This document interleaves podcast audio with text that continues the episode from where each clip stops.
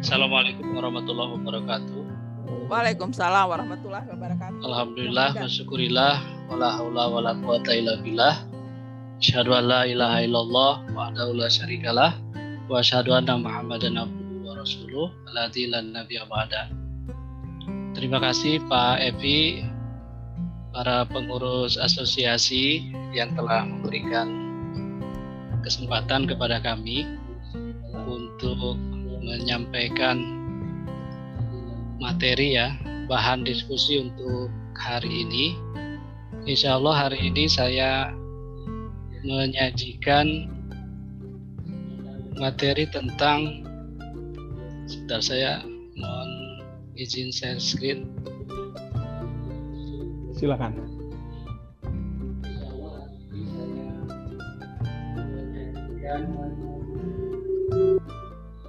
Ini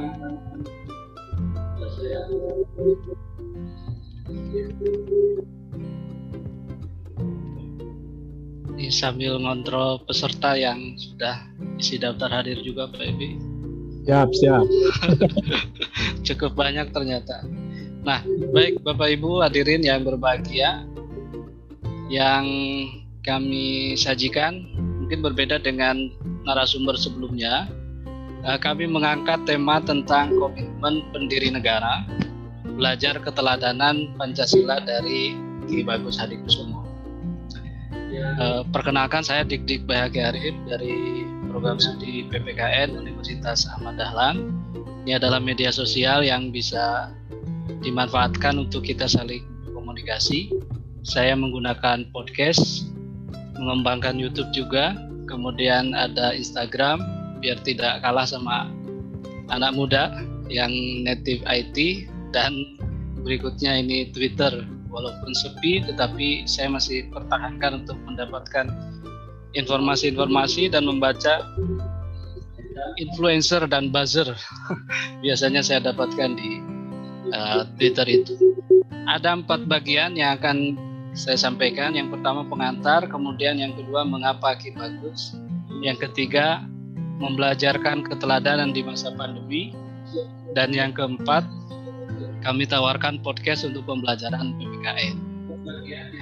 Sebagai pengantar, salah satu kompetensi dan ruang lingkup materi PPKN pada tingkat pendidikan dasar, khususnya kelas 7 sampai kelas 9, itu adalah komitmen para pendiri negara dalam merumuskan dan menetapkan Pancasila.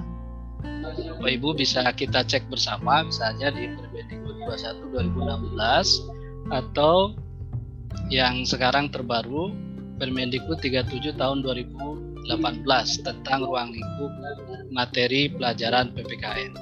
Kemudian apakah komitmen itu sejalan dengan profil pelajar Pancasila yang dicita-citakan? Ini yang menjadi tema uh, kita uh, seminar kita kali ini tentang profil pelajar Pancasila. Saya ingin awali ini dari uh, tulisan yang disusun oleh Pak Yudi Latif. Biasanya kita sebut Kang Yudi ya. Kang Yudi Latif dalam buku Mata Air Keteladanan Pancasila dalam Perbuatan pada bagian awal itu mengemukakan adanya krisis keteladanan. Ada keluhan panjang dan luas katanya tentang krisis keteladanan di tengah masyarakat. Kita selalu mengeluh bahwa di lingkungan kita, di masyarakat kita, bangsa dan bernegara, itu kita krisis keteladanan. Sebab yang dilihat adalah teladan yang muncul real saat ini. Tetapi Kang Yudi juga menyebutkan kita itu mengenal Nabi Muhammad, mengenal tokoh-tokoh lain, mengenal termasuk Isa Al-Masih. Kenapa mereka bisa kita jadikan teladan? Karena cerita-cerita tentang Nabi itu dikisahkan terus-menerus, ditulis terus-menerus, disampaikan terus-menerus sehingga sampai kepada generasi berikutnya. Sejauh ini kata Kang Yudi, kita gagal mentransmisikan kisah keteladanan para pahlawan bangsa baik yang sudah meninggal maupun yang masih hidup. Walaupun syarat untuk menjadi ditetapkan sebagai pahlawan bangsa itu kan pahlawan nasional harus sudah meninggal dulu. Pelajaran moral Pancasila diajarkan lewat butir-butir hafalan yang menjemukan ini dulu ya. Kehilangan impresi, kehilangan kesan sehingga tidak bisa menggugah nurani. Jadi belajar ya hanya lewat saja. Bahkan pada tataran kognitif saja sehingga apa yang masuk ya lewat saja tidak menggugah menggugah diri para peserta didik termasuk pembelajaran moral Pancasila ini dikritik oleh Kang Yudi. Kemudian kita mengalami kemiskinan wahana untuk mencetak nilai-nilai luhur bangsa yang diidamkan menjadi karakter bangsa. Wahananya tuh miskin untuk melihat bagaimana menumbuhkan karakter-karakter bangsa pada generasi muda kita. Sebagai apresiasi atas buku itu, ada banyak tokoh yang memberikan uh, apresiasi tulisan. Saya kutipkan dari sekian banyak tokoh itu bisa aja misalkan di sini uh, saya kutipkan dari Pak Din Samsudin beberapa waktu lalu ramai sekali ini suatu bangsa dapat bertahan di tengah tsunami peradaban adalah karena memiliki kecerdasan dan kearifan kecerdasan dan kearifan yang mengalir dari mata air keteladanan para pendahulunya ini syarat sebuah bangsa dapat bertahan di tengah tsunami peradaban ya diksi yang dipilih Pak Pak Din kan uh, tsunami peradaban ya. Terus di sini ada tuna aksara moral. Syaratnya adalah adanya kecerdasan dan kearifan yang itu mengalir dari keteladanan para pendahulunya. Jadi mau tidak mau kita harus mengenal para pendahulu-pendahulu kita. Jangan seperti kritikan uh, Kang Yudi tadi. Mata pelajaran sejarah misalkan hanya selesai pada teks tahun berapa, silsilah kerajaan dan sebagainya tidak sampai pada impresi menggugah uh, hati nurani uh, para peserta didik. Apresiasi lain dikemukakan oleh Pak Budi Susilo Supanji, sekarang uh, dulu mantan uh, apa uh, Gubernur Lemhanas. Betapa setelah membaca buku itu, betapa katanya implementasi keteladanan dan moral Pancasila itu sesungguhnya ada dan bertebaran di sekeliling kita. Ya namun tertutup oleh arogansi sikap dan warta skandal ya minggu-minggu ini kita lebih lebih apa lebih membaca lebih sering membaca siapa warta skandal warta skandal siapa Bapak Ibu hadirin semuanya tahu Nisa Sabian mungkin ini minggu-minggu ini sedang ramai sekali ya atau yang lainnya gitu ya sehingga keteladanan-keteladanan para pemimpin bangsa para pahlawan itu sama sekali tidak diangkat gitu ya. Nah, bagaimana dengan hubungannya dengan pelajar Pancasila? Ini Bapak Ibu yang dimaksudkan dengan pelajar Pancasila. E, di sini SDM yang unggul merupakan pelajar sepanjang hayat yang memiliki kompetensi global dan berperilaku sesuai dengan nilai-nilai Pancasila. Tentu itulah harapannya, apalagi kita insan akademik PPKN melatih para peserta didik itu agar dia berperilaku sesuai dengan nilai-nilai Pancasila enam indikator dari pelajar Pancasila beriman bertakwa kepada Tuhan yang Maha Esa dan berakhlak mulia berkebinekaan global bergotong royong kreatif bernalar kritis mandiri ini adalah karakter-karakter personal ataupun uh, publik yang harus dimiliki oleh uh, pelajar Pancasila yang juga ini menjadi tugas dan tanggung jawab kita sebagai insan akademisi bidang PPKN karena semua ini, menjadi uh, atau dititipkan pada kita sebagai insan akademi PPKN. Misalnya di KI 1 dan KI 2 itu sudah menjadi tugas uh, PPKN, uh, guru PPKN. Tidak diberikan kepada guru-guru yang lain kecuali guru pendidikan agama. Berikutnya ini uh, rincian dari keenam indikator tadi. Beriman, bertakwa kepada Tuhan yang Maha Esa dan berakhlak mulia, Pelajar Indonesia yang berakhlak mulia adalah pelajar yang berakhlak dalam hubungannya dengan Tuhan yang Maha Esa. Ia memahami ajaran agama dan kepercayaannya serta menerapkan pemahaman tersebut dalam kehidupannya sehari-hari. Nomor satu ini, ini kebijakan dari kementerian kita tentang profil pelajar Pancasila harus beriman bertakwa kepada Tuhan yang Maha Esa dan berakhlak mulia.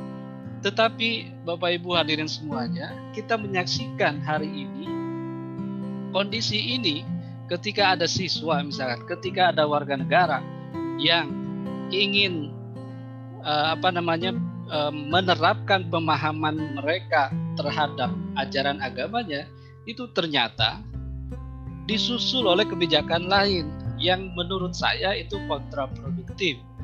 Misalnya keluarnya surat keputusan bersama tentang seragam itu kontraproduktif dengan upaya untuk membentuk belajar Pancasila. Kenapa tidak diberikan kebebasan bagi para siswa untuk belajar memahami agamanya, kemudian menerapkan pemahaman tersebut dalam kehidupannya sehari-hari, termasuk di sekolah. Nah, itu pelajar Pancasila. Ini konsepnya ahlak, ahlak beragama, pribadi kepada manusia, kepada alam, kepada uh, ahlak bernegara dan seterusnya. Dan uh, konsep-konsep lain, indikator-indikator lain berkebinekaan global, termasuk di dalamnya toleransi. Kan sedikit-sedikit kita melihat ada upaya ketika ditunjukkan uh, misalkan pemahaman agama yang cukup tinggi, maka dia akan diikuti oleh sikap-sikap sebutan-sebutan intoleransi dan sebagainya. Itu miris memang di tengah upaya kita melahirkan uh, profil pelajar Pancasila, tetapi yang terjadi adalah upaya-upaya justru mereduksi bagaimana cara untuk menumbuhkan profil pelajar Pancasila itu. Gotong royong ini sudah menjadi budaya bangsa Indonesia sejak dulu ya, Soekarno juga mengemukakan begitu. Saya itu bukan pencipta Pancasila, tetapi saya penggali nilai-nilai Pancasila. Nilai-nilai itu sudah ada, sudah hidup dari Sabang sampai Merauke sejak dulu. Saya hanya menggalinya saja dan kemudian merumuskannya, mengemukakannya di sidang eh, BPUPK dan PPKI. Kemudian mandiri, bernalar kritis, kreatif ini tuntutan tadi seperti narasumber sebelumnya tuntutan eh, apa pembelajaran di abad ke-21 ini. Nah, selanjutnya mengapa Ki Bagus tanpa menafikan tokoh-tokoh yang lain ya. Kenapa Ki Bagus saya angkat? Ini kebetulan saja. Ini yang sedang saya kaji. Jadi tokoh inilah yang kemudian saya angkat komitmen terhadap uh, komitmen para pendiri negara itu salah satunya adalah Ki Bagus Hadikusumo. Sekaligus kami mengenal, mengenalkan siapa sebenarnya Ki Bagus. Dia adalah bagian dari anggota BPUPK yang juga ikut berkontribusi dalam merumuskan dasar negara Pancasila, tetapi barangkali ini sering terlupakan. Banyak tidak diketahui karena jujur misalkan di dalam mata pelajaran PKN ketika membahas rumusan tentang Pancasila sejarah Pancasila, maka yang sering muncul adalah tiga nama. Mr. Muhammad Yamin, Mr. Supomo, dan Insinyur Soekarno. Selalu itu. Sementara tokoh-tokoh lain 62 jumlahnya itu tidak pernah diangkat padahal mereka juga memiliki kontribusi yang besar. Nah inilah mengapa Ki Bagus salah satunya adalah dia uh, memiliki uh, prinsip tauhid yang unik. Ki Bagus itu uh, kuat kukuh pada pendirian agamanya, tapi juga dia sekaligus toleran terhadap sesamanya. Kemudian dalam pidato-pidatonya dia selalu menyampaikan bahwa uh, penentuan dasar uh, Ki Bagus memandang bahwa mengambil sumber hukum dan hikmah dari Al-Quran dan As-Sunnah merupakan bentuk kembali ke nilai paling mengakar, radikal dan mendasar sebagai keniscayaan bagi setiap muslim. Jadi nggak salah bagi Ki Bagus kita kembali kepada Al-Quran dan As-Sunnah sebagai seorang muslim yang taat. Kemudian ini gambar yang pertama Ki Bagus pakai peci katakanlah dia seorang eh, apa seorang yang religius gitu ya. Kemudian yang kedua ini gambar Ki Bagus yang selalu pakai belangkon. Ini menunjukkan bahwa Ki Bagus itu sekalipun dia seorang yang religius gitu ya, tetapi dia juga uh, kuat pada nilai-nilai budaya yang mengakar dalam kehidupan uh, dirinya sebagai seorang uh, apa uh, keturunan di uh, masyarakat Jogja di Kauman. Ya, Ki Bagus juga berpandangan bahwa memegang erat ajaran Islam secara kokoh tidak lantas menjadikan seorang Muslim serta serta merta menjadi fanatik, apalagi sampai melawan narasi kebangsaan dan nasionalisme. Ini isu yang selalu di, digembor-gemborkan. Jadi kalau memegang erat ajaran Islam, maka lahirlah menjadi fanatik dan sebagainya melawan narasi kebangsaan dan nasionalisme. Padahal Islam dan kebangsaan sudah satu nafas kan begitu. Sudah satu nafas. Bahkan ada pernyataan good Muslim is a good citizen. Muslim yang baik itu adalah warga negara yang baik. Itu mestinya yang harus kita tanamkan sebagai uh, guru atau praktisi insan akademisi di PPKN. Oke, kemudian Ki Bagus uh, menampilkan sikap tengahan, memiliki keteladanan, sikap soleh secara individual dan sikap soleh secara sosial sekaligus dia memiliki sikap nasionalisme yang kuat. Kalau tidak memiliki sikap nasionalisme yang kuat, Ki Bagus tidak mungkin uh, berbesar hati merelakan tujuh kata dicoret pada tanggal 18 Agustus demi keutuhan NKRI yang baru usianya satu hari. Kemudian yang berikutnya, Bapak Ibu hadirin, belajar keteladanan di masa pandemi ini tantangan bagi kita, guru-guru PKN, dosen PKN gitu ya. Tantangan keteladanan di masa pandemi. Kering tadi eh, apa? permasalahan permasalahan keteladanan kita banyak sekali. Tantangannya kita dihadapkan pada pandemi Covid-19. Tadi Bu Maimunah sudah menyampaikan uh, keberhasilan pembelajaran online karena semua akhirnya menjadi online kita menjadi migrasi ke serba virtual. Mungkin Bapak Ibu yang usianya uh, mulai dari saya di atas saya itu kan kita tuh disebutnya uh, imigran IT ya Beda dengan generasi-generasi yang kita ajar itu native IT. Mereka tuh penduduk asli IT sebab sejak lahir bahkan mungkin sebelum lahir mereka sudah kenal teknologi ya. Sejak hamil ibunya sudah main TikTokan gitu. Itu tuh sudah sudah mengenalkan bahwa sebelum lahir sudah sudah e, menjadi penduduk IT. Lah kita itu kan migran IT. Dipaksa karena pandemi ini kemudian beralih serba online. Ada tiga hal yang perlu tetap diperhatikan pedagogical present, academic present, dan social present. Strategi media proses evaluasi tadi Bu uh, apa Bu Maimunah menyampaikan. Academic present, materi, penerapan konsep, relevansi konsep. Ini yang kalau tidak hati-hati kemudian pembelajaran online berubah menjadi pemberian tugas secara online. Karena kita ngejar materi, akhirnya pedagogikalnya tidak terperhatikan apalagi yang ketiga social design ini yang penting pengembangan suasana bahwa rasa selama pembelajaran online itu sama ketika seseorang berinteraksi secara face to face classroom learning langsung. Gimana nih caranya? Pembelajaran online tetapi rasanya seperti kita sedang bertemu dengan semua seperti eh, kuliah-kuliah atau pembelajaran biasa. Ini tantangannya. Kemudian lagi ya Kang ya siap. Kemudian ada nano learning, kelelahan fisik menatap screen terus-menerus. Ya.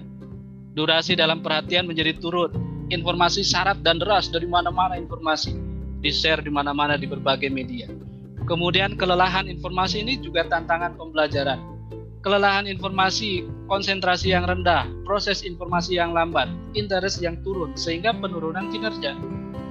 Nah, di 2020 November Mendikbud pernah menyatakan telah mengakui bahwa semakin lama pembelajaran tatap muka tidak terjadi, semakin besar dampak negatif yang terjadi pada anak-anak. Ini salah satunya. Nah, apa yang perlu dilakukan? Nah, ada usulan menyiasati materi yang demikian banyak tadi, maka kita perlu memecah materi, informasi menjadi kecil-kecil, bisa tematik dengan durasi yang pendek. Bisa kalau kita tadi ingin menyampaikan tentang komitmen para pendiri negara. Katakanlah satu kasusnya Ki Bagus atau tokoh yang lain. Kita bisa menyusun itu memecah menjadi materi-materi kecil dan pendek. Misalnya materi tentang latar belakang tokohnya, pendidikan latar belakang pendidikan tokohnya, nilai-nilai keteladanan tokohnya dan seterusnya.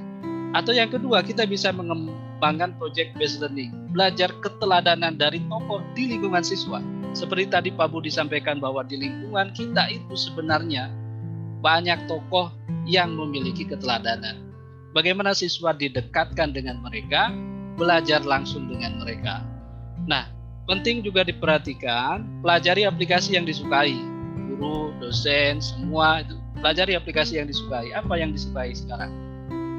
Podcast kah, YouTube kah, WA kah dan sebagainya, e-learning kah, Edmodo dan sebagainya lihat fitur yang ada untuk membangun interaksi. Ada forum chatting, ada forum diskusi gitu ya, ada email dan sebagainya. Pemberian feedback, umpan balik positif dengan segera. Setelah siswa merespon, maka kita berikan feedback. Berikan respon segera, jangan ditunggu sampai nanti di akhir. Apresiasi selalu berprasangka baik pada anak. Apalagi kita nggak ketemu itu kan, nggak ketemu secara langsung, selalu berprasangka baik. Ya, mengumpulkan tugas terlambat berprasangka baik mungkin apa, kendala jaringan seperti tadi narasumber sampaikan. Nah, tantangan bagi pendidik PKN tadi yang perlu adalah lakukan inovasi untuk menjawab disrupsi di dunia pendidikan. Nah, saya mengajak ibu-ibu bapak semuanya jadilah influencer. Manfaatkan media sosial di era digitalisasi. Guru PPKN perlu menyusun konten-konten yang dapat membangun karakter akhlak mulia warga negara sesuai dengan profil pelajar Pancasila tadi. Bukan sebaliknya dan dapat diakses secara secara mudah. Nggak apa-apa jadi influencer Bapak Ibu Ya. Asal jangan jadi buzzer. Buzzernya yang terakhirnya ada RP-nya tuh, buzzer up gitu ya. Itu buzzer yang dibayar gitu untuk nyerang mereka-mereka yang tidak sejalan. Itu itu jangan seperti itu. Nah, saya tawarkan ini nanti Bapak Ibu bisa eh, apa materi ini kami share. Ada sebenarnya yang sedang kami kembangkan adalah podcast. Podcast untuk pembelajaran PPKN ini cukup mudah kita buat dengan memecah materi-materi tadi termasuk cerita para tokoh ini bisa kita sampaikan lewat podcast atau mungkin ke depan bisa ada radio edukasi eh, berbasis podcast ini bisa kita manfaatkan sedemikian rupa. Ini materi tentang podcast Bapak Ibu nanti bisa eh, kita uh, pelajari berikutnya di beberapa contoh podcast yang ada. Termasuk saya sendiri membuat podcast Cikaracak podcast Dik Bayaki Arif. Mungkin nanti satu waktu bisa dikunjungi. Nah kemudian macam-macam podcast yang bisa dikembangkan. Ada audio podcast ada uh, apa enhance podcast seperti ini. Kemudian ada ah ini video podcast. Ya ini yang uh, ramai sekali Nah ini podcast-podcast yang dikembangkan oleh guru-guru PPKN sudah banyak sebenarnya, uh, tetapi uh, apa kontennya belum banyak gitu ya. Nah saya kira itu Pak Epi dan terakhir terima kasih. Assalamualaikum warahmatullahi wabarakatuh.